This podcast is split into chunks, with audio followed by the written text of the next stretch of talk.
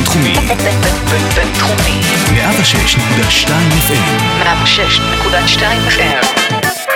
מאחורי כל צחוק. פודקאסט על קומדיה ומה שמאחוריה. עם אלדד שטרית. מה המצב? אה, אתם על מאחורי כל צחוק. האם יש לנו איזשהו אה, משהו שנראה כמו שגרה של הקלטות? אני מאוד מקווה שכן. אה, שבוע שעבר על הפרק. עכשיו אתם מאזינים לפרק, אני מקווה שלא יהיה, אתם יודעים, איזה נגיף או משהו כזה שיפגע לנו בתוכניות, אבל כרגע אנחנו על הגל, הסטנדאפ חוזר, איזה כיף, נדבר על זה עם האורח המופלא שלי היום. אה, קוראים לו דודי ארבלי, הוא סטנדאפיסט מהמוכשרים שיש היום בתחום, אה, עשה קפיצת דרך מטורפת. ב- מהרגע שהוא התחיל ועד אה, הנקודה הנוכחית, עובד בסטנדאפ פקטורי, מנהל ליינים, ניגע בכל הדברים האלה.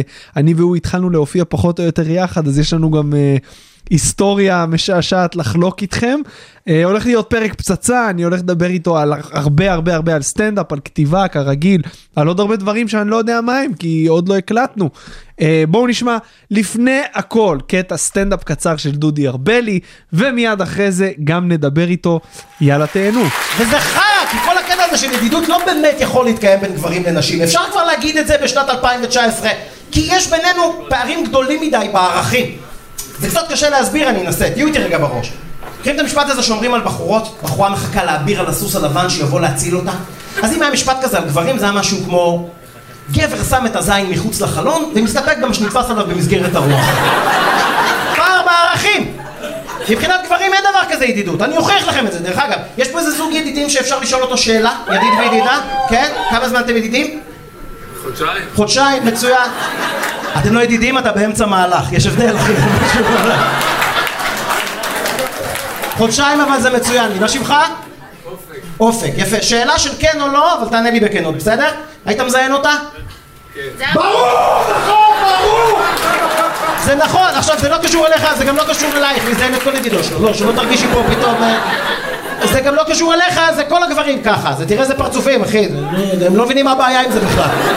תקשיבו טוב, בחורות מזדעזעות מעצם הרעיון, אתה יודע מה זה מעצם הרעיון? ישבתי אצל ידידה שלי אתמול, ידידה טובה. אמרתי תגידי, אני חייב שאלה, היית עושה אותי? אתה יודע איך היא הגיבה? לא. לא. נראה לך, מה אתה דפוק? מה, אני לא יכול להסתכל עליך ככה, מה זה, אתה, כמו אח בשבילי, אנחנו כמו אחים. למה, אתה היית עושה אותי? אמרתי לה, כפרה, אני גם את אחותי הייתי מזיין, על מה אתה מדברת? מה קורה דודי? מה קורה אלדד? אז קודם כל אני, אני במיוחד לאור התקופה שמח לראות אותך. וואי, בדוק. שלא ראיתי אותך מאוגוסט, שזו הייתה ההופעה האחרונה שלי מול קהל אמיתי באנדמן, ליין שאתה מנהל, אה, ניגע בהכל. תכף, כמובן, מה איתך? מה שלומך? אני בסדר גמור, האמת ששנה האחרונה הייתה שנה קשה מאוד. מ... כאילו, אני חושב שאנשים לא יודעים את זה, אבל כדי להגיע לעשות סטנדאפ, אתה צריך להיות אדם שבור, קודם כל. כאילו, אתה... נראה לי שמי ששומע את התוכנית הזאת, נכון, נכון. מי ששומע את התוכנית הזאת כבר יודע, הבאת לפה הרבה שבורים. שבורים לרוב יש פה בבינתחומי בהרצליה. אבל אמ, זה, זה משהו שהוא כאילו... זה... הרבה אנשים מגיעים לסטנדאפ ומביאים איתם הרבה בעיות נפשיות. כן. אה, כולל עבדכם הנאמן. כמובן, אני מדבר פה כאילו בגוף שלישי, אה? אנשים בממלכת לה לה לנד. כן. אמ, והתקופה הזאת הייתה, אנשים, אני חושב שאנשים שאוהבים סטנדאפ לא יודעים את זה, כי הם חושבים שאנחנו כל הזמן שמחים וכל הזמן מצחיקים, אבל השנה האחרונה הייתה קשה מבחינה נפשית ברמה שקשה לתאר. וזה שאנחנו עכשיו חוזרים, אני כזה עכשיו קצת כמו הבחורה שבגדו בה כזה, נכון? אני כבר לא בוטח כזה, אני לא, כבר לא בוטח בנגיף. אני רוצה להגיד לך משהו, כי כל האורחים ש... יצא ככה שכל האורחים שהיו פה בתקופת הקורונה, אה, וגם ל... גם שמעון שהיה פה בפרק הקודם, דווקא לקחו את זה, אתה, אתה לא רואה, לא ראית את השבר, את ה... את ההשלכות שאתה מדבר עליהן עכשיו, ואני מאוד מזדהה עם מה שאתה אומר, ואתה יודע את זה. כן. אז בוא, ת, תפרט לי, כי, כי אני יודע מה זה לאבד את הדבר שהכי יקר לך ולנסות למלא אותו עם דברים אחרים גרועים. אז מה, איך אתה חווית את זה? זהו, אז האמת היא. האמת שההפסקה הזאת באה לי בזמן, אני עברתי כאילו שינוי של... אני חושב 180 מעלות ממש בתקופה הזאת, גם כסטנדאפיסט וגם כבן אדם. אני זוכר שעוד אה, במהלך תקופת הקורונה, ועוד לפני אפילו קצת, הייתי מאוד עסוק בלוגיסטיקה ואדמיניסטרציה. שמתי את הסטנדאפ שלי ואת כל החירות האומנותית שלי, אם תרצה, בצד, ואמרתי, אני עכשיו מתעסק בלבנות ליינים, בלבנות את התשתית, בלסדר כאילו הכל, בלבנות איזושהי תשתית שתכניס לי כסף, כי אחרת אי אפשר לעשות סטנדאפ. כאילו, לעשות סטנדאפ דורש ממך להוציא כסף, זהו. בעיקר, בהתחלה. נכון. אז הייתי חייב לבנות משהו ש, שיאפשר לי להתקיים, וגם לכתוב וגם להופיע. אז מתוך זה נולדו הליינים, אני מניח שנדבר על זה אחר כך, אבל לשאלתך, אני יכול להגיד לך שזה זה לקח אותי למקום ש... קודם כל, ברמת הסטנדאפ, הפסקתי להופיע, עשה לי ממש טוב, התחלתי להתאמן, התאמנתי איזה חצי שנה בבית, נהייתי בריון, אה, וממש התחלתי לאכול בריא, וההפסקה הזאת ממש עשתה לי טוב. ואז באיזשהו שלב, אני חושב שזה אולי אצל כולם, אמרנו, אוקיי, מיצינו. מיצינו את השקט והשלווה וההפסקה מהשגרה ואת הלהיות בבית, ומיצינו. אני מוכן לחזור לעבוד. ואז הייתה עוד חצי שנה, שבה כאילו כל יום שעבר פשוט הרגשתי איך לאט לאט אני מאבד את זה. אם אני לא אחזור לבמה בקרוב, אני אאבד את זה. ממש כזה. עכשיו, לא, אני לא מתכוון לקחת אה, שוטגן וללכת לתיכון בארצות הברית, כן? כן. אבל אאבד את זה ברמה של, קודם כל ברמה האישית, אימא שלי בקבוצת סיכון מאוד רצינית, ו, ואין כאילו עוד אנשים בבית. אז כל השנה האחרונה נזהרתי בטירוף, לא עליי, עליה, שאני לא אדביק אותה. אתה אומר אפילו לא הופעת בזום, אמרת אולי הנגיף עובר גם... כן, הנגיף עובר ב, ב, באלקטרודות, כן. משפטים שאני, מילים שאני לא יודע מה הן אומרות.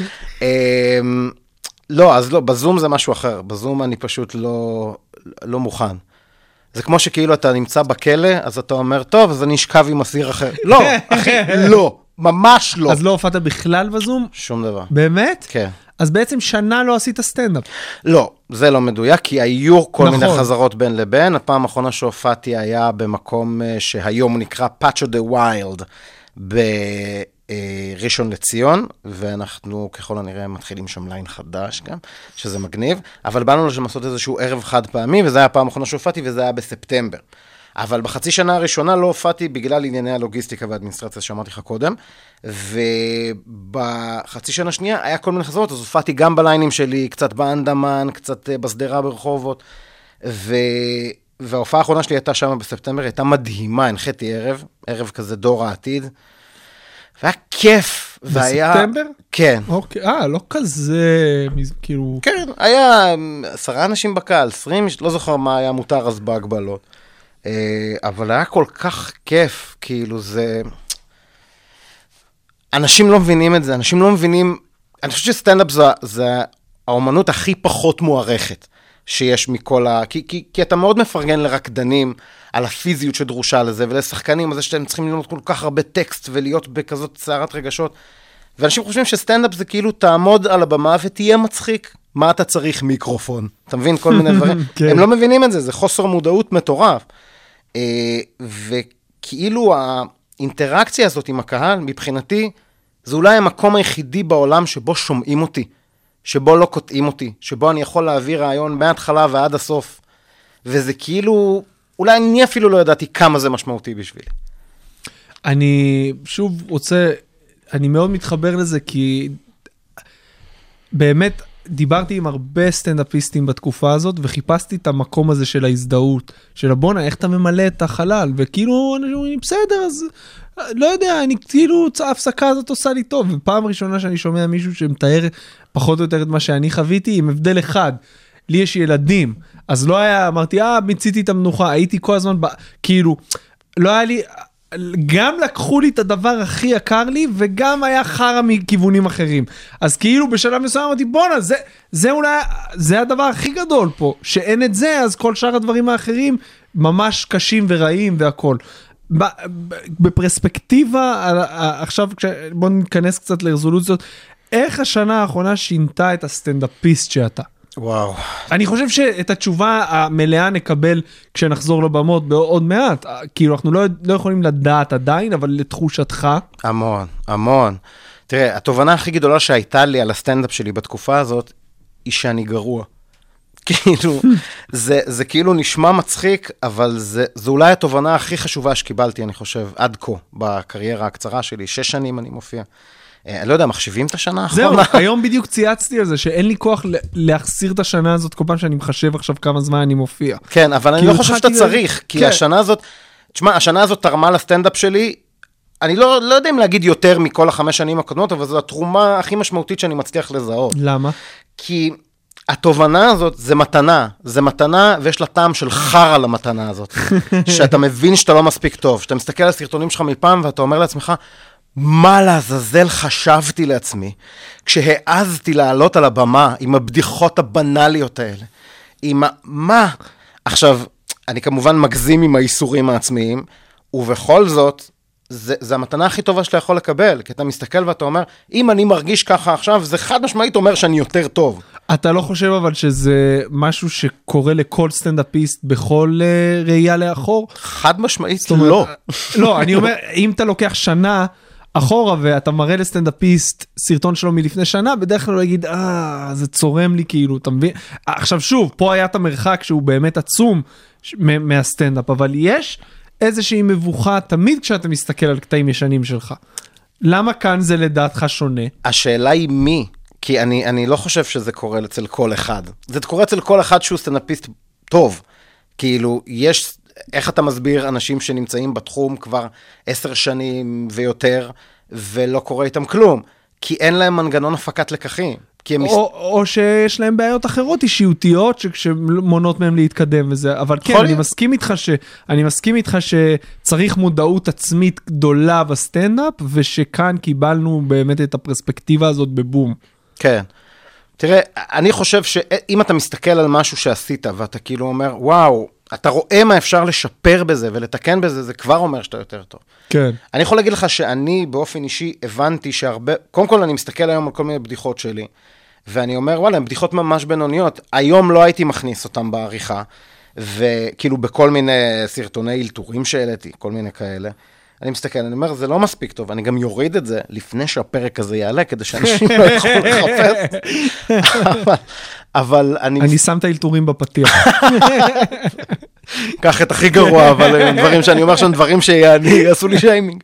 אמ, בקיצור, אני מסתכל ואני אומר, זה, אני רואה למשל, אם אני צריך לתת לך דוגמה למשהו ספציפי, זה שאני עשיתי המון, אני אני אפלצן רגע, אני אגיד את זה באנגלית, overcompensating. אוקיי. גם אמרתי את זה בקול של קריין פרומואים. אמ, אני שמתי לב שאני מפצה המון בצעקות, באנרגיה מוגזמת, ב... באובר מלל, על בדיחות לא מצחיקות. אני צועק הרבה פעמים סתם. עכשיו, שמעתי פה את uh, דניאל כהן, וגם דניאל חן לדעתי אמרו את זה פה, שדניאל כהן, אני זוכר, אמר, זה שנאת חיי, לשמוע אתה, מה אתה, מה אתה צועק? כאילו, דבר, הם מקשיבים לך. אתה גם מוגבר. כן, כן, כאילו. כן. לא, אבל זה, זה לא זה, זה, זה שילוב של גם הבדיחה אולי לא מספיק מצחיקה, אז אני צריך לצעוק ברור. אותה קצת יותר חזק, כאילו, אתה יודע, בטבע אה, אתה נובח יותר ממה שאתה מסוכן באמת. אה, וגם יש בי איזושהי תחושה בפנים של איזושהי אש שאני חייב להוציא ולצעוק ולזעוק ולהגיד. ולפעמים לא צריך את הביטוי הפיזי של הדבר הזה בשביל לצעוק משהו. אתה יכול להגיד גם משהו, קריס רוק עושה את זה מדהים. מדהים, הוא כאילו, הוא, הוא, אומר אמיתות מאוד קשות שאתה פשוט לא יכול להתווכח איתו. יש לו תובנות כאלה חכמות, שאתה שומע את זה ואתה אומר, הוא לא צועק, אבל הוא עכשיו נתן לי, הוא צלצל לי, נתן לי כאפה. כן. אז, אה, אז זה מה שאני חושב, כאילו, בעניין הזה. אה, ו- והבנתי שאני לא צריך את זה, אני פשוט צריך... זה עבודת נמלים הרי. כתיבה זה עבודת נמלים, אתה כותב ועורך ועולה ובודק, ואחרי זה שוב חוזר לערוך ולכתוב ולבדוק. ו... ו- אני שם לב שאני כאילו פשוט צריך להשקיע יותר בעבודת נמלים הזאת. אני צריך להיכנס לעומק של הנושא ולחשוב מה בדיוק מצחיק פה ואיך אני מנגיש את זה לקהל והאם זה באמת מצחיק או שזה רק נשמע לי כמו משהו שיכול להיות מצחיק. אה, ופשוט ברגע שאני חושב על זה, עושה עם עצמי תהליך חשיבה ומשקיע בסבלנות בעבודת נמלים הזאת, אז האמירה היא מספיק חזקה ומדויקת ומצחיקה שאני לא צריך לצעוק את זה. זהו, זה, זה לשאלתך. הצלחת ליצור בתקופה הזאת, או שזה היה יותר אה, תקופה ש- של התבוננות והפסקה? כאילו, כי אה, דיברתי על זה כאן, אני, בגלל שאני טוטאלי, אז, אז כאילו, אוקיי, אז אין את הסטנדאפ עכשיו, אז אני אז מנותק רגשית לגמרי. איך אתה חווית את זה? אז חצי שנה ראשונה באמת באופן יזום לקחתי צעד אחורה והרשיתי לעצמי, אני חושב שזה מה שהיה כל כך חיובי בתקופה הזאת להרבה אומנים. אתה יודע, זה כמו להיות בזוגיות שכל הזמן רבים, כל הזמן רבים, כל הזמן רבים, באיזשהו שלב לוקחים הפסקה, ואז בהפסקה הזאת אתה יוצא רגע מהבריכה הזאת של הרגשות ואגו ופחד וטונות של דברים שיש שם שאתה כבר לא רואה מימינך או משמאלך, ואתה יכול להסתכל על זה מבחוץ. ושם אני חושב שעשיתי את הקפיצה של לראות שהשתפרתי. אמ, אבל לשאלתך, יש את הקטע הזה שאתה כאילו, עכשיו לקחתי את הצעד אחורה, זאת הייתה תקופה של ההתבוננות שאתה מדבר עליה, ובאמת הבנתי מה אני עושה לא נכון ואיך אני יכול להשתפר, ואז הייתה את התקופה השנייה, שבה ערכתי את כל ההופעה שלי. ישבתי, לקחתי את הכל, ופשוט ערכתי מלא בדיחות קיימות, שפשוט היום בפרספקטיבה של היום לא היו מספיק טובות. ערכתי אותם, ואני חושב שזה גם אולי היתרון והחיסרון שלי, שההופעה המלאה שלי מספרת, ההופעה המלאה שלי נקראת ניתוח לב פתוח, היא מספרת איזשהו סיפור שיש בו איזשהו חוט שקושר את כל הביטים אחד עם השני, ואני אני מרגיש שאני עושה איזשהו מסע ב, ב, בהופעה הזאת. אה, אז פשוט דייקתי את המסע, ואתה יודע, זה כאילו כל מיני running גגים נגיד, שפתאום חוזרים על עצמם במהלך ההופעה, שיצרתי עכשיו מחדש, שלא היו שם קודם, דברים בסגנון הזה. אה, אז אני שם לב שאני כאילו, בחצי שנה השנייה, ערכתי הכל והידקתי את זה, ועכשיו יש לי עוד, גיליתי שיש לי המון חומר. אגב, אה, ואני אני, אני כבר הגעתי למצב שאני, זה כבר מזמן הגעתי למצב שאני צריך לעלות לבמה כדי להתקדם. אני לא יכול להמשיך לכתוב, יש לי טון של חומר כתוב, אני עכשיו צריך לבדוק את כל מה שערכתי, שזה שעה וחצי בערך של חומר, ואחרי שאני מהדק ועושה את הטאצ'ים הסופיים, אני יכול לעבור לחלק השני של ההופעה, שכבר, אני מתכנן שהחלק הזה כבר ייכנס להופעה הבאה. אמ, אז היום אני במצב שאני תקוע. אם אני לא עולה לבמה ואני לא עושה את הפינישים האחרונים, אני לא יכול להתקדם, וזה מה שכל כך מתסכל בחצי שנה האחרונה, לשאלתך, על כל התהליך. אז כן, היו ימים שאמרת, אוקיי, עכשיו אני יושב על הסטנדאפ וממש עבדת עם מסמך ובדיחות וכל מה שעושים כביכול בשגרה? כן, עשיתי את זה בפלאפון, כזה כתבתי את כל הביטים של ההופעה לפי הסדר. ש... אני עובד בצורה מאוד מגוונת, זה יכול להיות או שאני מקליט קטעים חדשים, כדי לשמוע גם את האנרגיה שעלתה לי בראש כשהם עלו לי, אני כותב uh, תזכירים בפלאפון, או שאני יכול עכשיו, כשאני, כשאני כותב, נגיד אני שומע שאתה שואל פה הרבה איך אתה כותב, כן. אז בוא נגיד שבימים שבהם uh, הייתי לא מתחת לקו העוני, בגלל השנה האחרונה, אז הייתי נוסע לחופשות כתיבה, לבד. נוסע נגיד לאילת או לים המלח חמישה ימים, וכותב חצי שעה חדשה. כזה, כותב נושא, ממש בלוקים על בלוקים על בלוקים, תובנות, ומפרק אותם לביטים, כאילו, מה חשוב לי להגיד על הנושא הזה. ואז אני משפץ ועורך ומתקן וזה, ולומד את זה בעל פה. ככה זה, כל, זה מה שאני עושה כל החופשה. ואז אני חוזר, יש לי חצי שעה חדשה, שאני רץ איתה עכשיו חצי שנה, אתה מבין? כדי כן. לבדוק ולשפץ. אה, אז אני כאילו מרים בניינים. זה, זה דרך כתיבה אחת, אבל שוב, יש הרבה. אבל אתה אומר שכאילו עבודת הכתיבה שלך היא יותר אה, אה, מול מחשב או מול דף, או שזה קורה על הבמה בין לבין? כאילו אני מדבר עכשיו, אם אתה לוקח את המופע שלך, אה, איפה רוב הפאנצ'ים נכתבו? זאת השאלה. כי התובנות והכל, אוקיי, לכולנו יש כל הזמן, אבל איך אתה מגיע לרמת ליטוש של פאנצ'ים? האם זה קורה רוב הזמן מול הדף, באמבטיה, על הבמה, רגע לפני עלייה לבמה, רגע אחרי? אז תראה, כמו שאתה אומר, יש באמת את הקטע הזה שתובנות נופלות עליך. כן. במקלחת נגיד, פתאום יש לך כל מיני קטעים שכותבים את עצמם, כזה בתוך הראש. אבל זה, הרוב אני מכין מראש, כותב מראש, עורך מראש, לומד מראש. אה, על הבמה נול- נולד לפעמים, לעיתים רחוקות, איזה אלתור, אם אני עכשיו עולה עושה ממש ביט. אבל יש בנפרד גם נגיד את הערב של אלי חביב, שהוא איש, באמת, אני אוהב את האיש הזה, קשה לי לתאר עד כמה, באמת. נראה לי שכולנו. כן, אי אפשר לא לאהוב אותו, ממש, יש אנשים כאלה. אני מחפש, אתה בא לי פעם אחת, לא כי, לא כי זה, אבל שמישהו יגיד, בואנה, חביב הזה בן זונה, אני שונא אותו. ואז אני אהיה מרותק, וואו, למה? לא, אבל אז זהו, אם, אם מישהו יגיד לך את זה, אתה תגיד, אוקיי, אז אתה פסיכופת. כן. כאילו, אוקיי, אז אתה לא מסוגל להרגיש אמפתיה, זה בסדר. אה, איך אפשר לא לאהוב את זה? זה כמו לא לאהוב את גידי לבנה, זה, זה מוזר. אתה כן, מבין? כן. אז אה, שני אנשים מאוד מאוד אהובים עליי. אלי חביב יש לו ערב שנקרא מה הקטע, שאני מתאר לעצמי שהוא דיבר עליו פה. אה, האמת שלא דיברנו, לא חושב שדיברנו על הערב אלתורים, והוא היה פה פעמיים, הוא גם ראיין אותי. אשכרה. אה, לפרק המאה. אה, וואי, שיעלה- יש לי מלא להשלים. שעוד לא עלה הפרק המאה. ו- לא, בלי קשר, יש לי כן. מלא להשלים. כן. באיזה שלב כאילו... אתה 94, אה, אז כן. הייתה תקופה שהיית כותב, אה, היית מגיב לי על כל פרק. לא, באיזשהו שלב עצרתי והתחלתי לעשות דברים אחרים ואמרתי לעצמי, אני אשמור את זה למתי שאני אחזור להתאמן. כן. ולא חזרתי להתאמן. עכשיו. אבל עכשיו נרשמתי לחדר כושר ואני אני עם יצחקי, אז הוא מדרבן אותי אה, כזה. וואו, אז אין אין לך סיכוי לא להתמיד. לגמרי, לגמרי. אמ, אז, אה, אז אמרתי לעצמי שאני אשמור לי את זה לכל מיני הליכות ארוכות וכאלה.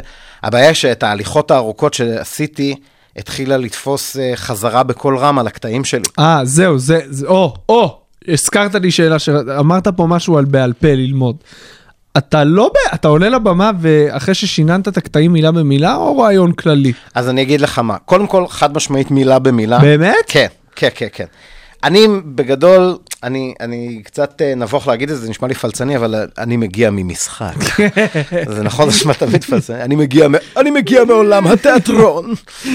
אז, אה, אז אני מגיע ממשחק, אני, רוב חיי עשיתי משחק, אני חושב שאני שחקן יותר טוב ממה שאני סטנדאפיסט האמת. באמת? למה? כן, כי זה מה שעשיתי כל חיי, נכון לכרגע לפחות, אני מקווה שהסטנדאפ יעבור את זה באיזשהו שלב, אבל זה מה שתמיד הייתי הכי מוכשר בו, והייתי בטוח שזה מה שאני אעשה, ואני מודה לאלוהים שהציל אותי מהעולם הנוראי הזה. אה, ובמשחק אתה לומד טקסט.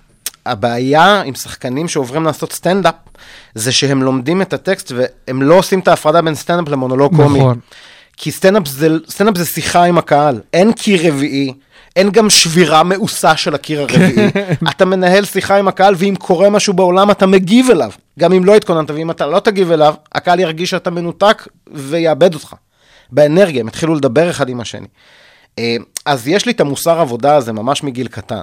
אה, עכשיו, להגיד אני מגיע ממשחק זה לא באמת נכון, כי אמנם התקבלתי לניסן נתיב ירושלים בגיל 21, אבל לא הלכתי ללמוד את זה, ועשיתי את זה רק בצורה חובבת. לא חובבנית, אבל חובבת. שיחקתי בתיאטרון הנוער של ירושלים, עשיתי איזה 15 הפקות בחיי, צ'כוב ושייקספיר וזה.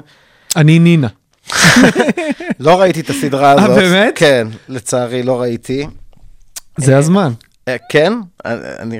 לפני שיורידו אותה מכל מקום, לא יודע, עוד אנס אחד שם מתגלה וסוגרים את הבסטה. לא, לא יודע. לא, שמעת, קיבלתי הרבה, הרבה פידבקים טובים על הסדרה הזאת, אבל אני כזה, לוקח לי זמן להשלים סדרות. נגיד, כן. רק לאחרונה, אני מתבייש להגיד את זה, רק לאחרונה השלמתי את שובר שורות. אוי ואבוי, דודי. איזה סדרה. Yo, Mr. White. וואו, מצחיק. אני מת על הסדרה הזאת. כן, אני יודע לחקות את השני. אלא- ג'סי! ג'אסי. ג'סי!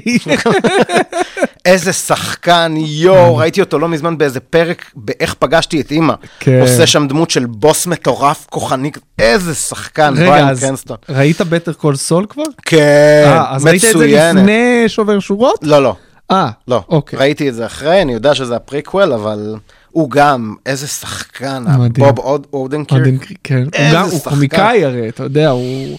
מדהים. גם היה מצחיק לראות גם את ביל בר בשובר נכון, שורות. נכון, נכון. כזה. דמות קורעת. מעולה, כן. מעולה. אה, בקיצור, אז אני אמנם מגיע ממשחק, אני רוצה להגיד לך שאחד האנשים שאני הכי מעריץ בארץ זה רועי צברי. ומה שמצחיק או אירוני בזה זה שרועי צברי הוא בדיוק ההפך. הוא עולה לבמה, אין לו שמץ של מושג מה יקרה. הוא אומר, אני לא מאלתר, אני פשוט מצחיק. אתה מצחיק, תהיה מצחיק. אני כזה עוקב אחרי הרבה דברים, שפעם היה לו גם איזשהו רעיון שהוא אמר שם, משפט שתפס אותי מאוד, הוא אמר, אתה לא בוחר את זה, זה בוחר בך. כן. עכשיו, המשפט הזה עורר בי הרבה מאוד אנטגוניזם בהתחלה, כי זה משפט די קורבני, זה כאילו הכל קורה לי, אני לא תלוי בעצמי. אבל זה כל כך נכון, כי קומדיה הייתה בחיי כל הזמן, מהרגע שנולדתי. וכל הזמן לקחתי אותה כמובן מאליו. כשהייתי קטן הייתי עושה חיקויים של פוליטיקאים למשפחה, ובכל מקום שהייתי מגיע הייתי עושה חיקויים של, בצבא, אם זה של המפקדים וחיילים אחרים, ו... ושל סטנדאפיסטים, יש לי מלא חיקויים של סטנדאפיסטים, אפשר לדבר על זה.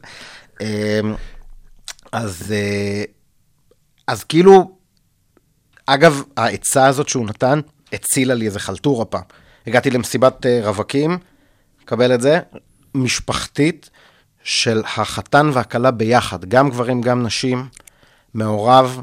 הגעתי לשם, אין לי שום חומר רלוונטי לסיטואציה. אני לא, אני כאילו, מה אני אגיד להם, איזה זין יש לדודי, אתה מבין? כאילו, זה לא, לא מתאים. דודות וזה, הכי כאילו... וואו. הפצצה לתמיר בוסקילה, בקיצור.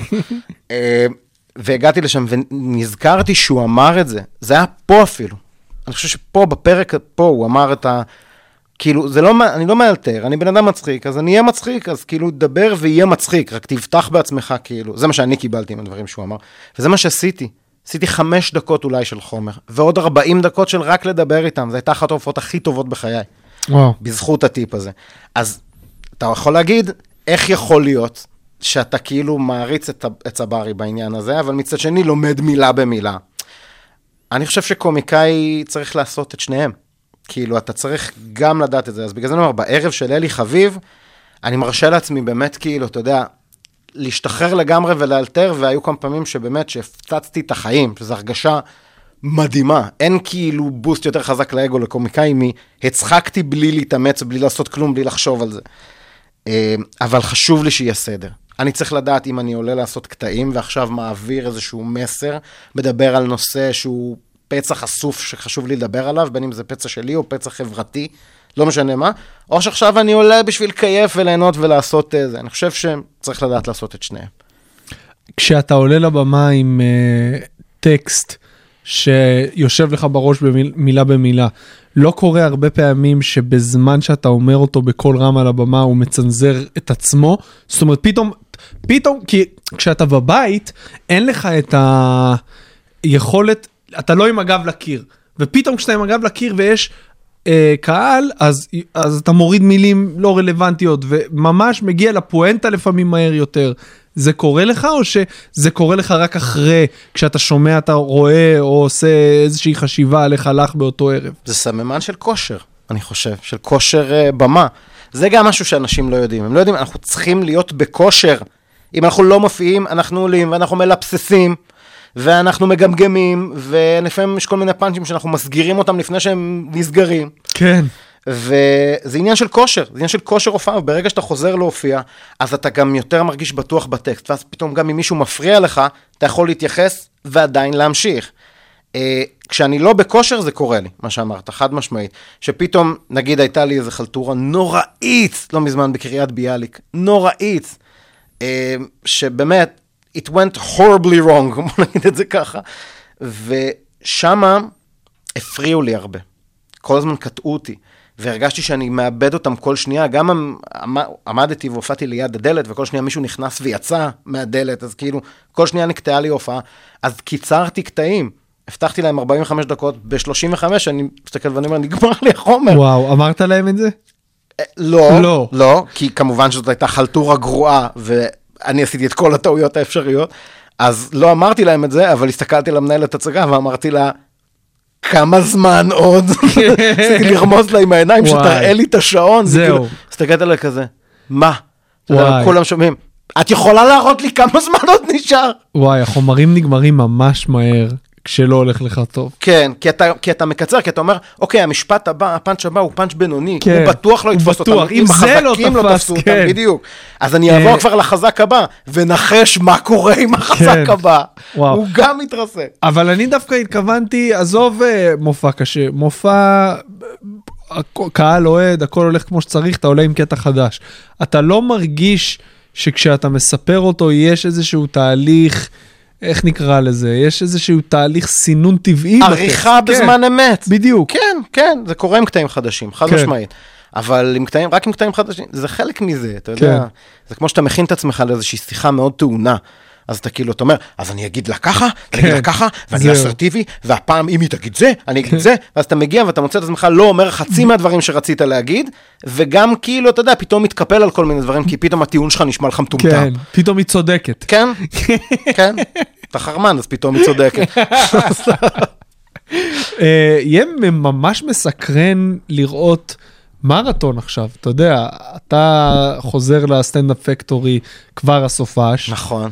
אה, אני ממש סקרן לראות, כאילו מצד אחד זה יהיה מאוד מעניין לראות את כולם, וזה איזשהו ריסטארט, כי כשאתה כבר בתוך הלופ הזה ורואה ואתה די מכיר, אז יהיה פתאום מרתק, אתה פתאום, אתה נראה לי איזה שלושה חודשים אנחנו נהיה קהל ממש באמת, כי כן. גם לא נכיר הרבה קטעים וגם נכון. אתה תראה תהליך שאומנים עברו. נכון. זה אה, מלחיץ אותי קצת. זה מלחיץ, זהו. אני, זו אני, הש- אני מקווה שאני התקדמתי יותר מכולם, אתה לא רוצה להסתכל עליהם. בואנה, גבני השתפר, בן זונה. כן, כי את שאלתי, מכולם שאלתי את יצחקי, אז מה אתה, בטח, כתבתי מופע שלם, אני רק צריך לעלות לבדוק את זה. אתה מבין? אז כאילו אמרתי, וואו, אני... טוב, יצחקי זה לא דוגמה לכלום, אתה כן. יודע, זה כמו להשוות מריצה למרצדס, כאילו זה...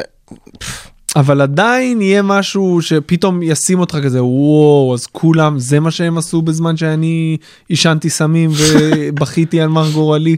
אז לא, אני- אבל אני, אני מתנחם לדעת שגם כשנחזור לבמה אני אמשיך לעשן סמים ולבכות על בר גורלי, כאילו זה לא...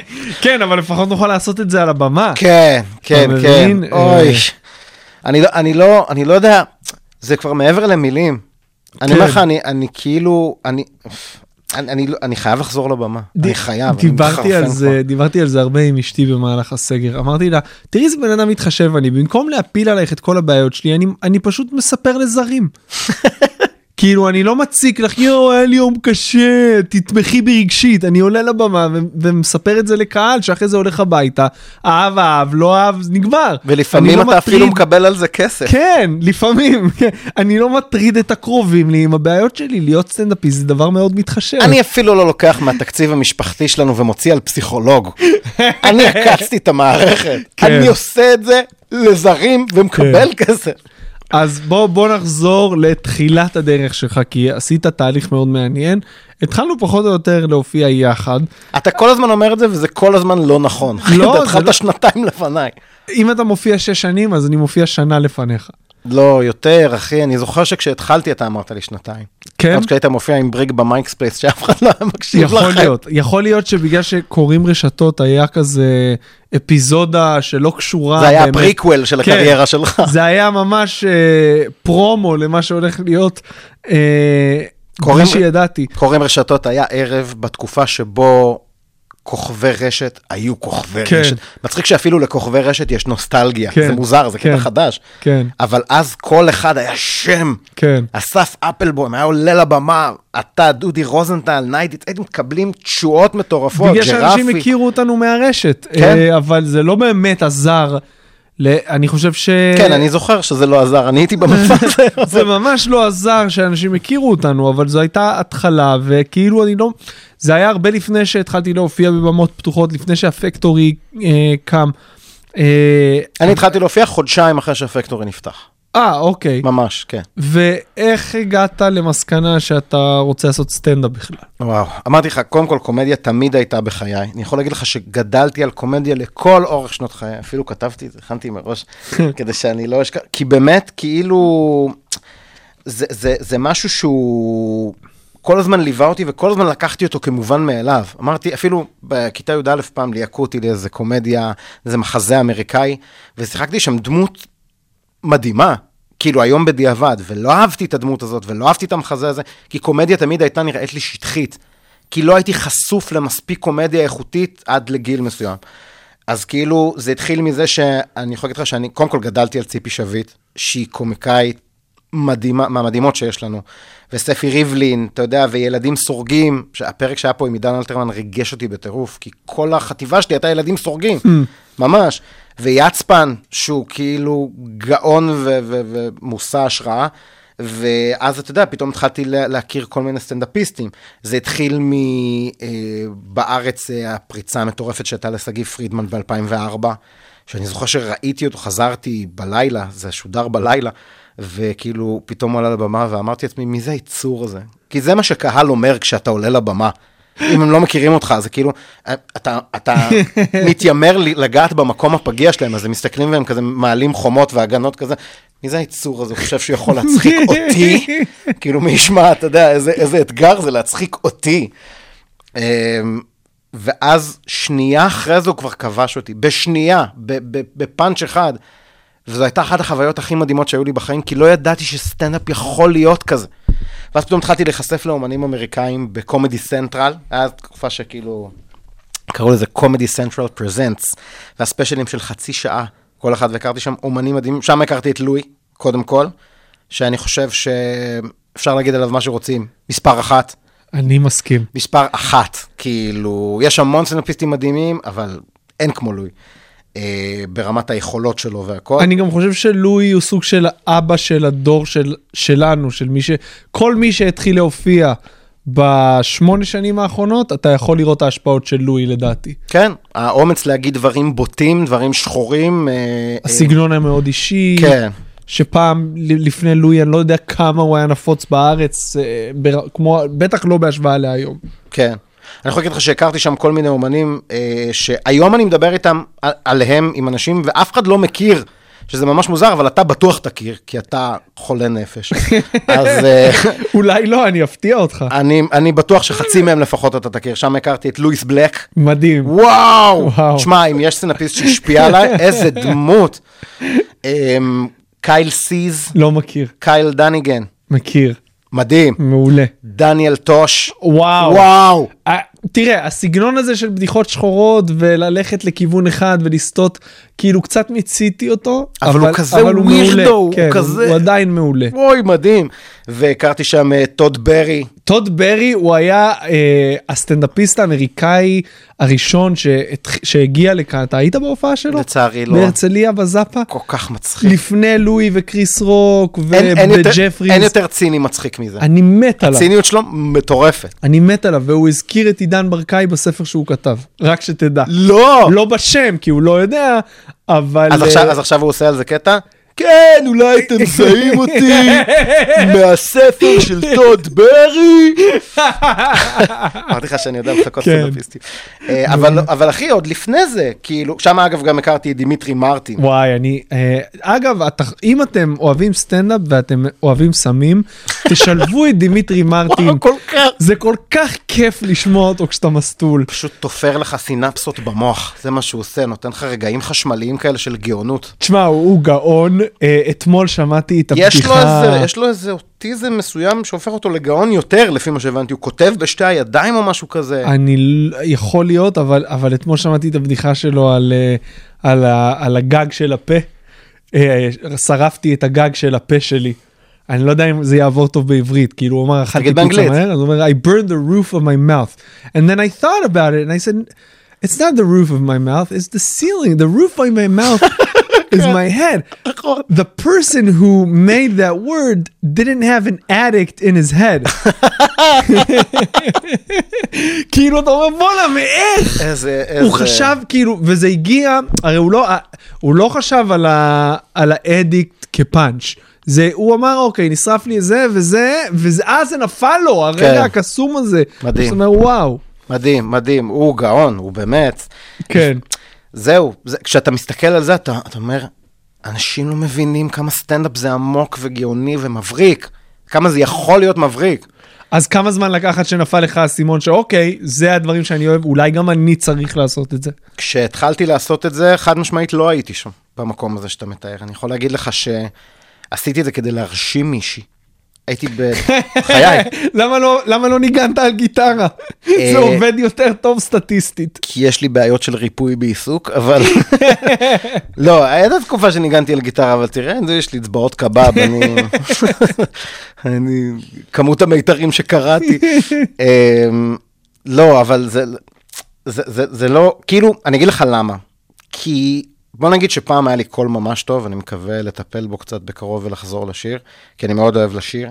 אמ, נגינה, אני ממש טיפה, כזה למדתי קצת תופים, קצת גיטרה כזה, אבל אמ, ה- ה- בוא נגיד זה לא המייג'ור שלי. ואמרתי לך, בגלל שלקחתי כל חיי את הקומדיה כמובן מאליו, כי זה כל הזמן היה קל לי. קודם כל, בוא נתחיל מזה שפיתחתי את זה כמנגנון הישרדותי, בסדר? כל מי שמגיע לסטנדאפ מגיע מאיזה סיפור אימה מטורף, על... כן? עשיתי את זה כדי לא לקבל מכות. כן. צחקתי את הערסים בכיתה.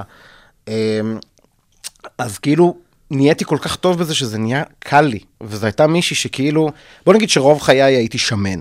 אז הייתי צריך למצוא דרך אחרת להרשים בחורות מאשר מראה חיצוני. וזה מישהי שהכרתי באיזושהי סדנה, וכאילו רציתי אותה בקטע מוגזם. ואמרתי, טוב, בסדנה הזאת היינו צריכים להציב לעצמנו יעדים, יעדים שיאתגרו את ההעזה שלנו. Uh, במקום, אגב, שמעביר סדנאות מדהימות שנקרא Humanication, Humanication, בפתח תקווה. מקום מדהים, מדהים, יש מדהים, פה מדהים. סתירה. למה? כן, כן, בפתח תקווה. אחד ש... כאחד שגר בפתח תקווה אני אומר את זה. אוקיי, אז אני אגיד לך, אתה מכיר את הקונספט של דשן? כן. אז זה. בלב החרא מצמיחים דברים אוקיי, מדהימים. אוקיי. אה, אז הייתי שם, האמת כשהתחלתי לעשות סטנדאפ הייתי שם והייתי עמוק שם, הייתי עמוק שם בקטע של כאילו, גם עשיתי מלא סדנאות ועשיתי סדנאות מנהלים ולמדתי שם קואוצ'ינג והייתה תקופה שהייתי מאמן אנשים וממש כאילו אה, למדתי שם המון דברים שאני מאוד מיישם היום אה, בניהול של העסק שלי.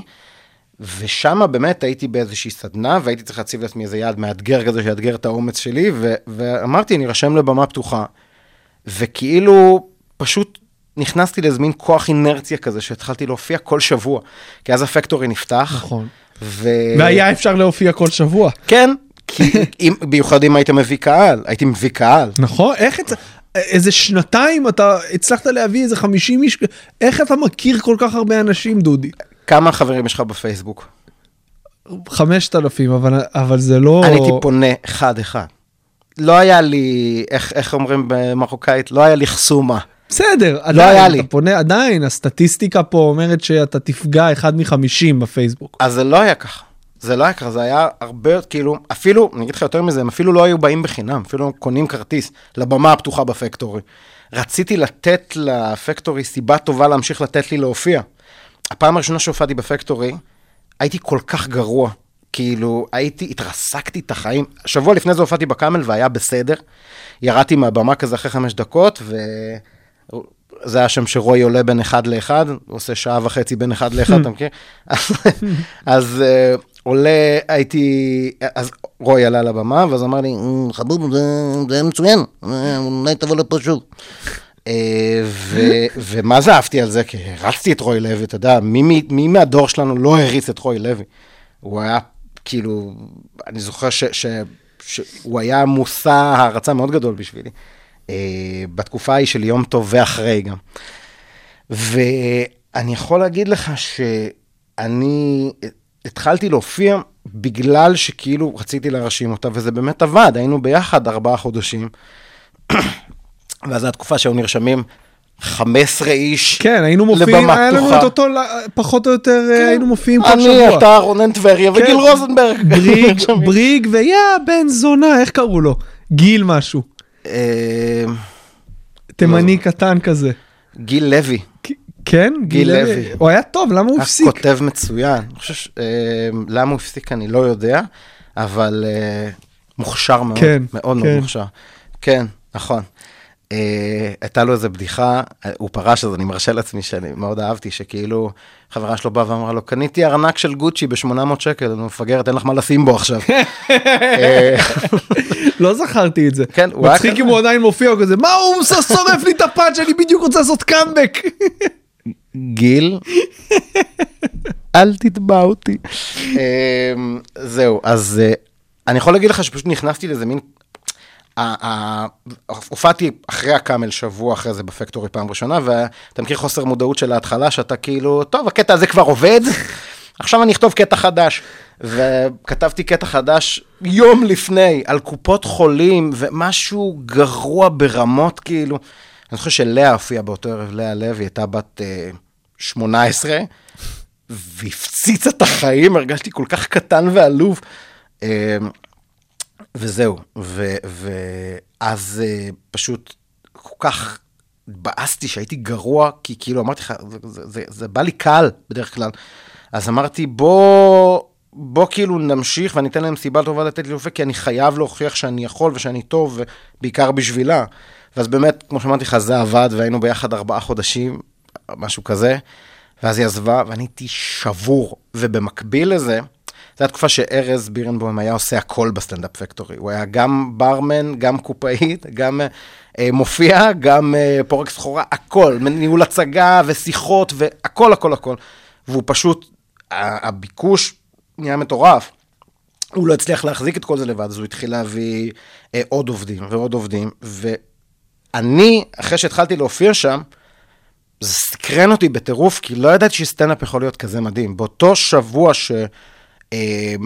שבאתי, ל... בוא נגיד, באותו יום שלישי שהופעתי בפקטורי פעם ראשונה, אז שישי שלפניו, כלומר ארבעה ימים לפניו, באתי לראות את המקום. אמרתי, וואלה, נפתח מקום חדש, אני לא מכיר, בוא נראה את המקום. באתי עם חבר לשישי מוקדמת, וזו הייתה אחת החוויות הכי מעוררות בחיים שלי, כי לא ידעתי שסטנדאפ יכול להיות כל כך טוב. הופיעו בערב הזה דניאל חן, שראיתי אותו פעם ראשונה, ש... סטנדאפיסט מספר אחת בארץ, בעיניי. כאילו, אם יש מישהו שאני יושב בהופעה שלו כקהל, ואני גם יודע שאני לא היחיד שאומר את זה, שאמר את זה פה, זה דניאל חן. הוא פשוט כאילו מבריק, הוא היחידי שאני כמעט אף פעם לא מצליח לצפות אותו. אה, וגם הייתה לי את אותה הרגשה שהייתה לי עם שגיב ב-2004. הסתכלתי ואמרתי, מי זה? כאילו, השם שלו נשמע רגיל מדי בשביל שהוא יוכל להצחיק אותי, כל מיני שיקולים מטומטמים כאלה שלא קשורים אחד לשני. ועל המשפט הראשון פירק לי את הצורה. ופשוט, כאילו, הייתי כל כולי שלו באותו רגע כקהל, לא משנה מה הוא היה אומר, הייתי צוחק. אמ, ואז הסתכלתי ואמרתי, וואו, כמה סטנדאפ יכול להיות עוצמתי, ויאללה, בוא נראה מה אני שווה. עליתי בשלישי ופתאום קלטתי, וואו, אני ליגה ג' דרום, וראיתי קודם את ליגה, ליגת העל, אתה יודע. זה מה ששאפל היה אומר שהוא היה עושה בתחילת הדרך, הולך בשלישי גם לבמות פתוחות, לראות אה, מה צריך לשפר, ובסופי שבוע לראות, כאילו, ללמוד, פשוט ליהנות. אז זו הייתה תקופה שבאמת הייתי בא לפקטורי וקונה כרטיס כל יום. כל יום בא לראות הופעות של מיכאל הנגבי, של אה, יוחאי ספונדר, של מני מלכה, אתה יודע, של ארז, של גבני. הייתי משלם כרטיס, עד שבאיזשהו שלב ארז אמר לי, אחי, עם לא, מספיק, ש- מספיק שתעלה פוסט, אחי, אתה לא צריך כל היום. אה, כן, נכון, ככה. אה, כפרה עליו. ולא, באיזשהו שלב כבר לא היה נעים לו לקחת ממני כסף. אז כאילו, בגלל שאני והוא בנויים מאותו חומר בעניין הזה, אני יכול להגיד לך שלי לא היה נעים שאני רואה סטנדאפ בלי לשלם, אז הייתי עוזר להם לנקות את השולחנות. אני. זוכר, אני זוכר את זה? אני זוכר. ובאיזשהו שלב, בזמן הזה, ארז התחיל לקרוס עם כל העבודה, והוא כל הזמן היה אומר לי, אחי, אני צריך שתתחיל לעבוד פה. כאילו, אחי... בצחוק או לא, לא, לא, הוא, הוא, היה, הוא היה אחרי משמרת, בקושי עומד על הרגליים, מסתכל עליו, אחי, אני צריך שתתחיל לעבוד פה. ואני כל הזמן אמרתי לו, אני לא יכול לעבוד פה, כי חברה שלי היא סטודנטית, ואנחנו, כאילו, סטודנטית בקריית שמונה, ואנחנו יכולים, כאילו, הערב מוקדש רק לה. עכשיו, גם אם זה שיחת טלפון, אני לא יכול לעבוד בגלל שיחת טלפון, כן. אני מוותר על 5,000 שקל בחודש בשביל לעשות שיחת טלפון בערב, וואו. כמו אסיר. אמ, ואז, אה, והוא כל הזמן היה, אחי, אני חייב שתתחיל לעבוד פה וזה. ואז היא עזבה אותי. והייתי שבור, כי, כי ככה אני מגיב לפרדות. אמ, והייתי חייב למצוא משהו שיעסיק אותי, כדי שאני לא אשאר תקוע בבית עם המחשבות. ואז גרתי בפתח תקווה, באופן כללי תקופה שחורה בחיי. אה, סתם, אבל עברתי, מר... בדיוק עברתי מרמת גן לפתח תקווה בזמן שהיא עזבה אותי, ממש עשיתי את המעבר הזה. הבית המיתולוגי ברמת גן, מול שווארמה שמש. נכון, כן, על המזל שלי. אה, שווארמה שמש, ולידו פיצה דומינוס, למקרה שהצלחת להימנע, להימנע מפיתוי אחד. אז, אה, אז עברתי, ואני זוכר שהייתי הייתי גמור, הייתי, הייתי, כמו ששוחמי אומר, הייתי שמן ועצוב, ממש. שתוק שמן. היא גם עזבה אותי בעיקר בגלל שהייתי שמן. היא אמרה לך את זה? לא, אבל היא אמרה את זה למישהו אחר. וואו. אה, כן. בכל מקרה... איזה אפס הוא שהוא אמר לך שהיא אמרה את זה. לא, למה? זה לא דבר שאומרים. מה, זה זה עשה לך טוב, ותחזור... אני תמיד מעדיף לדעת את האמת. תמיד, תמיד, תמיד. כאילו, אני, כל זמן שאני לא יודע את האמת, מבחינתי אני חי ב... אני מתעכב. זיינתי את אחותך. מצוין. אין לי אחות, אבל... אבל אולי אין לי אחות, זה מה שאתה חושב. אה, פתאום יש לך מין גילוי מוגזם על החיים שלי. אז אה, איפה היינו לעזאזל? היינו בזה שהתחלת לעבוד בפקטורי. כן, הייתי צריך למצוא משהו, אז באותה תקופה הייתי בקואוצ'ינג, והייתי צריך למצוא משהו שיעסיק אותי, כי אחרת הייתי עם עצמי עם המחשבות, אז אמרתי לארז, אני בא לעבוד. ועבדתי אה, בהתחלה שלוש פעמים בשבוע, ואחרי זה כל יום, ואז הגיע אורן קמיאנסקי, שהוא האחמ"ש המיתולוגי השני בפקטורי. אה, זהו, ושם למדתי את רזי המקצוע, וזה באמת רזי המקצוע, יש המון דברים, שוב, אנשים לא מבינים את זה, אבל סטנדאפ דורש המון, הוא דורש אקוסטיקה נכונה, הוא דורש מוניטור, שאתה תשמע את עצמך, שאתה לא תצרח ושאתה לא תדבר חלש מדי, והוא דורש תאורה מספקת כדי לראות פאנצ'ים שמבוססים על מימיקות של הבעות פנים, וצריך להיות שקט בקהל, וכל מיני דברים, אתה יודע, שלמדתי בניהול הצגה, בלוגיסטיקה. וארז באמת לימד אותי המון, אני חייב המון מהקריירה שלי אליו. אה, לא, יותר נכון. וכמה למדת על סטנדאפ בתקופה הזאת, כאחד שנמצא שם ורואה כל כך הרבה אומנים מהשורה הראשונה, ערב ערב? אני חושב שאולי הכי הרבה שאפשר. כאילו, באיזו עוד סיטואציה יכולתי ללמוד כל כך הרבה? הייתי רואה את זה כל יום, הייתי רואה אנשים בודקים בדיחות חדשות, הייתי רואה אנשים טובים וחזקים מתרסקים. זה שיעור כשלעצמו. אתה יודע, אתה מסתכל, אתה... אה, גם אתה עושה קקי. אוקיי. אתה מבין? זה, זה משהו שהוא לא מובן מאליו, בכלל. כן, גם יש בזה משהו מאוד מנחם בפעמים הראשונות. ברור, עד היום. זה? נכון, אבל. בפעמים הראשונות אתה אומר, אוקיי, הוא כאילו בלתי מנוצח. אני חושב שזה מאוד בריא שכל אחד יהיה טיפה של שמחה לאיד. כאילו קצת, אני חושב. אני לא יודע איזה שמחה, לא, לא, אני צוחק. כן, לא, אני מזדהה, מסכים, אבל אני חושב שזה כאילו מין מקום כזה של אוקיי, זה, זה הכרחי. ואז אתה גם לא פוחד מזה, ואתה לוקח סיכונים שבהתחלה אתה פוחד לקחת, ובגלל זה אתה אולי קצת נשאר עם פאנצ'ים בינוניים, ואתה אומר, העיקר לא להתרסק. אני רוצה לספר לך משהו. יאללה. הי- הייתה לי חלטורה פעם, מה זה קשה? בתחילת הדרך שלי הייתי אולי שנה בסטנדאפ, או שנה וחצי, לא יודע משהו כזה, הלכתי לעשות חימום לערן מורי, איש יקר. הוא לוקח, תשמע, את החלטורות הכי קשות בעולם, אבל צולח אותם כמו נינג'ה. אה, הוא איש מקסים גם, דרך אגב, לא, לא הרבה אנשים בתחום מכירים אותו, איש מקסים. אה, וזה היה חלטורה למורים בפנימייה, משהו קשוח, אני אומר לך. להופיע לחמאס יותר קל. וזו הייתה ההופעה הכי קצרה בחיים שלי, הופעתי, אחרי שלוש דקות ירדתי מהבמה, למה? כי אמרו לי רד מהבמה. הקהל או מי כן, שניהל את הזה? הקהל, וואו. קהל, קהל. אה, היה לי איזה קטע דפוק אז לגמרי על אתיופים ורוסים וערבים, איזה מין קטע גזעני שלא הבנתי בכלל שהוא גזעני. אה, סתם, כאילו הומור מיושן כזה, בדיחות על מבטאים וכאלה. ו- ואני זוכר, זו הייתה אחת ההתרסקויות הגדולות שהיו לי. לכל אחד יש, דרך אגב, אם מישהו שומע את, ה- את הפודקאסט הזה כרגע ושוקל להתחיל לעשות סטנדאפ, אומר, רגע, אבל אני לא רוצה שיהיו לי התרסקויות, יהיו, לכולם אין, אי אפשר להימנע כן, זה בלתי נמנע וזה גם מאוד חשוב. ברור, אתה לא, אי אפשר ללמוד או להתקדם אחרת. ואני זוכר שפניתי לחבר יקר שלי, שהוא אחד הסטנדאפיסטים שאני הכי מעריך, וגם נתן לי המון, לשנינו, אני חושב, בהתחלה שלנו, שזה עמית חשאי. כן. שהוא נשמה גדולה והוא אומן, באמת, אחד מאלה שממש אפשר להגיד הדבר הבא, כאילו, ממש אה, ברמת הכישרון שלו. והוא אמר משהו שלא יצא לי מהראש, אני חושב, בחיים. הוא אמר לי, כשזה קורה, אז נפתח לך צוהר קטן בנשמה, ונכנסת דרכו רוח פרצים של כאב, אתה מבין? מה שאתה צריך לעשות, אתה צריך לפתוח את החלון. אתה צריך לתת לכל הרוח להיכנס, בכל המסה שלה, ולדעת שאתה תחזיק את זה. וזה היה מאוד משמעותי בשבילי, זה מלווה אותי עד היום. כי זה כאילו, אי אפשר להימנע מהתחושה של אחרי התחזקות. אתה יכול להגיד, כמו, יש הרבה קווים מקבילים בין כדורגל, אגב, מה שמילא לי את הזמן כשלא הופעתי והשאיר אותי שפוי, זה כדורגל. אה, שגם לא תמיד היה, או היה נכון, במתכונת. וכשלא היה, מצבי הנפשי הידרדר. חד משמעית, בחיי.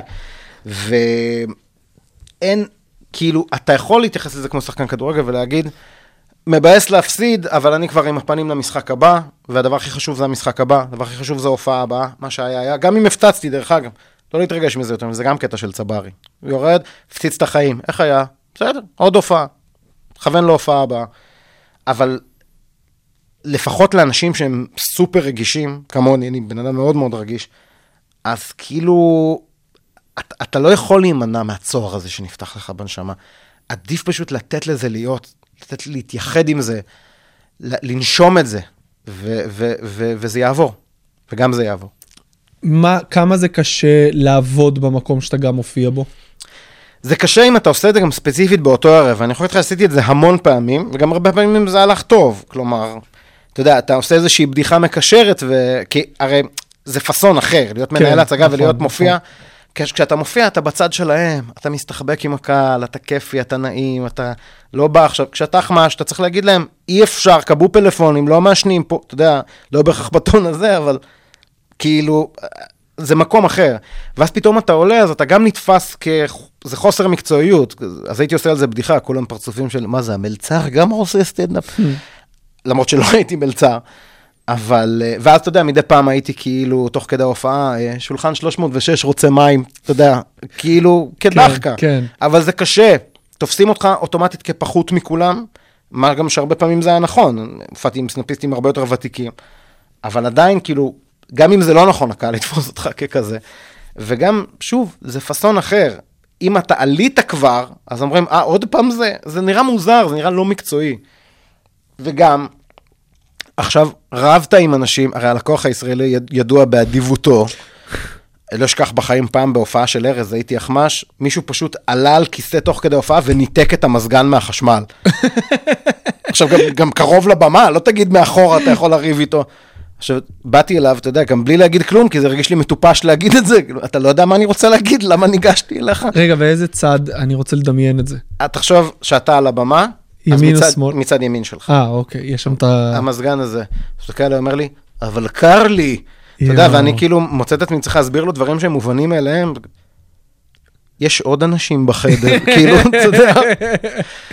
ופשוט, זה, זה כבר כמעט הגיע לתקיפה פיזית גם. אה, כן, כי, כי, כן, אבל אה, לעלות אחרי דבר כזה, נגיד, לבמה, עזוב הופעה של ארז, יש פתאום מרתון, ועכשיו רבת עם מישהו על זה שאי אפשר לעשן. אתה לא יכול לעשן פה, מה לעשות? אמרו לך, אבל תראה את האזור, כאילו, מה זה קשור? שם הצפוי עכשיו, יש לי תו ירוק אחי, האפליקציה לא מתחברת. לא, אנשים אומרים כאילו, תראה איזה, באיזה אזור הפקטורי נמצא, אז כאילו, אז מה, אני לא יכול לעשן? כן, אחי, כן. אוקיי, בכל מקרה, אז אה, אני יכול להגיד לך ש, שזה מאוד קשה אחרי שרבת עם לקוח, או שאחרי שהושבת אנשים כמארח, פתאום לעלות לבמה, כי לא מחזיקים ממך, אבל אפשר להתגבר על זה. בגדול, יש לזה עוד מחיר, שהוא מחיר תדמיתי, שכל הזמן אנשים יגידו עליך, אה, נתנו לו להופיע כי הוא עובד פה. Mm, אתה אתה מבין? מתכוון הם יותר לא גם לאנשים... הם לא יודעים שעשיתי לארז ביד בשביל זה, שעבדתי קשה. אתה מבין? אתה מדבר יותר על אנשים מהתחום. כן, כן, לא, ברור, מחיר תדמיתי כזה, כן, כן. הק- הקהל אה, לא לא חושב על זה. כן. למרות שהקהל גם יכול לחשוב, זה נשמע כמו טיעון הגיוני לחשוב כקהל. זה משהו שאתה יכול... למה לש- המלצר עלה לבמה? זה לגמרי קלאסי לעלות ולשמוע מישהו אומר לחבר שלו, אה, זה בטח נתנו לו כי הוא עובד פה. כן. מצחיק שלפעמים הם חושבים שאנחנו לא שומעים אותם. יושבים שורה ראשונה, כן. הוא לא נראה לי מצחיק השמן הזה, אתה יודע, כאילו, כן, זה- זה הפאנץ' שאני פותח איתו בדרך כלל. אה, כן? אמיתי, שמישהו אומר, מה, אני מכיר אותו, אה, זה לא הוא. הוא ממש מצחיק, אה, זה לא הוא. ואת כל זה אני שומע, אתה תנו לי צ'אנס. שתי שאלות אחרונות, דודי. מה? שתי שאלות עכשיו אני אעשה את אחרונות. מה שעושים כל האורחים פה. כן. מה, כבר נגמר? כן. איזה בדיחה של אה, סטנדאפיסט אחר היית רוצה שתהיה שלך? זאת אומרת, לא כאילו גנבת אותה, אבל כאילו בדיחה שאתה כתבת ביקום מקביל. אז אני אענה, לך על זה תשובה מיוחדת. היה פאנץ' כזה ואני עשיתי מעשה. אני פניתי לאדם ואני ביקשתי אותה. אני ביקשתי לשלם עליה. אה, זה זמן מצוין להוקיר אותו ולהגיד לו תודה, שהוא גבר על, אפרופו קוראים רשתות, קוראים לו דן שגב. וואלה, איזה מהם? כי אני מכיר את, את כולם. אז זה פאנץ' שהוא כתב לפני הרבה שנים, זה ציוץ שהוא כתב, וזה מתלבש לי בול על ההופעה, כאילו על הביט שאני פותח איתו. אז שאלתי אותו כמה הוא רוצה על זה, והוא יצא הכי גבר כן. בעולם. הוא אמר לי, שני דברים. א', אני לא זוכר שכתבתי את הפאנץ' הזה, אבל אני מאמין לך. אני זוכר, בדקתי. אה, ודבר שני, כך, אתה לא צריך לשלם לי כלום. דן הוא אחד ה... אם אנחנו מדברים על כל הסגנון של one liner ים, דימיטרי מרטין, הדברג, דן הוא לגמרי היה יכול להיות בכיוון הזה, אבל הוא בן אדם עם מודעות עצמית אה, גדולה מדי וקריירת אה, הייטק מפוארת, אז אה, אתה יודע, בשביל הסטנדאפ שנים ראשונות אתה צריך לתת הכל, כן, והוא פנה לכיוונים אחרים, אבל הוא אחד ה... אחד המוכשרים, כן. אז איזה פאנץ' זה? אז הפאנץ' זה כאילו ברעיון עבודה. אה, ספר לי על תכונה שלילית אחת שיש לך. אמרתי לה, כנות. אמרתי, אני לא חושבת שכנות זו תכונה שלילית. אמרתי, על הזין שלי מה שאת חושבת. מעולה. מדהים. אתה עדיין כך- עושה את זה? כן, אני עושה את זה אחרת, אני עושה את זה על דייט. אה, אבל אה, כאילו... אה, נכון, נכון, נכון. וואי, שכחתי את ההופעה של כולם. כן. אה, אבל, אה, אבל זה, זה היה אחד הרגעים המרגשים בחיי. וואי. שכאילו שהוא פשוט אמר לי, קח שלך. זה היה מין כאילו אחוות מצחיקים. כן, כן, גם הוא לא מופיע, אז אתה יודע, זה קצת יותר קל, למרות שסטנדאפיסטים מוכרים בדיחות. כן. אה, גם אם הוא מופיע, נכון. זה, זה משהו שקורה, זה אבל האמת. שזה נדיר שאני מסתכל על... יש איזה בדיחה אחת, שהבדיחה שכבשה אותי אצל דניאל חן, הייתה בדיחה כזאת, שאני לא אחזור עליה כי הוא מופיע איתה, כן. אבל, אה, אבל תגיד לי חוץ רק מזה איזו, אין לי. תן לי כותרת. אה, החלטה משותפת.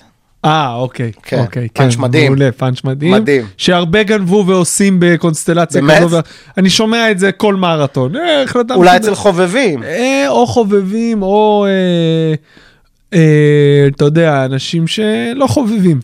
וואלה, כן. אז אני לא שמעתי. אה, נדון אחרי השידור. אם הייתי שומע הייתי מעיר, ואני חושב שזה לא בסדר שאתה לא הערת. אני- סתם מצחיק, עושה לך שיימינג בתוכנית שלך. אז אני אגיד לך מה, בגלל שזה משהו שנשמע לי כבר כמו הבדיחות האלה שכולם משתמשים פאנץ' זונה. פאנץ' זונה, אז אמרתי אוקיי, לא, כאילו לא, אני זה אפילו לא ידעתי. שהוא המקור. זה אבל- דניאל חן all the way. ושאלה שאנחנו חותמים איתה כל אה, פרק ואתה יודע מה היא, כי כן. אתה שומע מדי פעם פרקים, איזה טיפ היית נותן למי שמתחיל לעשות סטנדאפ? השבוע! השבוע! השבוע, תתחילו עכשיו, כי כן. אי אפשר לדעת מתי זה כן. ייסגר שוב. כן. אה, אז האמת היא שאני, קודם כל, אני חושב, התכוננתי לשאלה הזאת בגלל שאני יודע שהיא באה בסוף, ואני יכול להגיד ככה, אם אתם, שהטיפ הזה הוא רק אם אתם רציניים לגבי התחום. אם אתם עושים את זה סתם כתחביב, או סתם כי בא לכם להתנסות פעם, פעמיים, אתם לא צריכים טיפים, תעלו ותהנו. זה דבר, באופן כללי, גם אם אתם כן רציניים לגבי התחום, וגם אם אתם לא יודעים עדיין אם אתם רציניים לגבי התחום, בפעם הראשונה שאתם עולים, אל תבקשו פידבק, זה לא רלוונטי. מה שרלוונטי זה עצם העלייה שלכם לבמה. עצם ההעזה לעלות לבמה. אמ, זה קודם כל ליהנות, קודם כל. זה יותר חשוב מהכל. אני חושב שברגע שאתה לא נהנה, אתה, אתה חוטא למטרה, אתה לא בכיוון. אבל הטיפ שלי הוא, בוא נגיד, יותר מתייחס לאנשים שבאמת רוצים לקחת את זה ברצינות. הייתי אומר, תבנו את כרטיס הביקור שלכם. כרטיס הביקור שלכם הוא 4-5 דקות מהודקות ומפציצות כמיטב יכולתכם. אל תכתבו כל, כל שבוע קטע חדש. אי אפשר להתקדם ככה. אתה לא יכול לשפר קטע אם אתה כל פעם מתחיל מההתחלה. אה, אז תבנו את הכרטיס ביקור שלכם, 4 דקות מהודקות, עם הפאנצ'ים הכי חזקים. תעלו לבמה, תבדקו אותם, תופיעו איתם כמה שיותר, בלי, בלי פידבקים. רק שהקטע יישב על הלשון, שתרגישו בטוחים בו, שתערכו אותו עד למתי שתגידו, אוקיי, זה הכי טוב שאני חושב שהצלחתי להוציא מעצמי, ואחר כך תעלו עם זה לבמה ותבקשו מאומן שאתם מעריכים לתת לכם פידבק. אם זה, למשל, אצלי, אני יכול להגיד לך שאני מאוד מעריך את ארז בירנבוים ואסף יצחקי ודניאל חן ויוסי גבני, אז אם מישהו מהם אה, אה, נמצא שם, אז אני, אז אני אגיד לו, תשמע, אני עולה חמש דקות, אתה יכול להסתכל, לתת לי פידבק, לראות מה אני יכול לשפר, מה אני יכול לתקן. בדרך כלל הם מקסימים ומסכימים, כי הם אה, אומני הפקטורי, אה, ובפקטורי יש אחווה מאוד מאוד גדולה בין אומנים. אה, ואחרי שזה מהודק, אחרי שקיבלתם פידבקים ושיפרתם, וזה עובד, ואתם יודעים שאתם יכולים לעשות את הארבע-חמש דקות האלה כמעט בכל מקום, להתחיל להרחיב את זה לעשר דקות. להפוך את הכרטיס ביקור שלכם לעשר דקות, באותה מתכונת.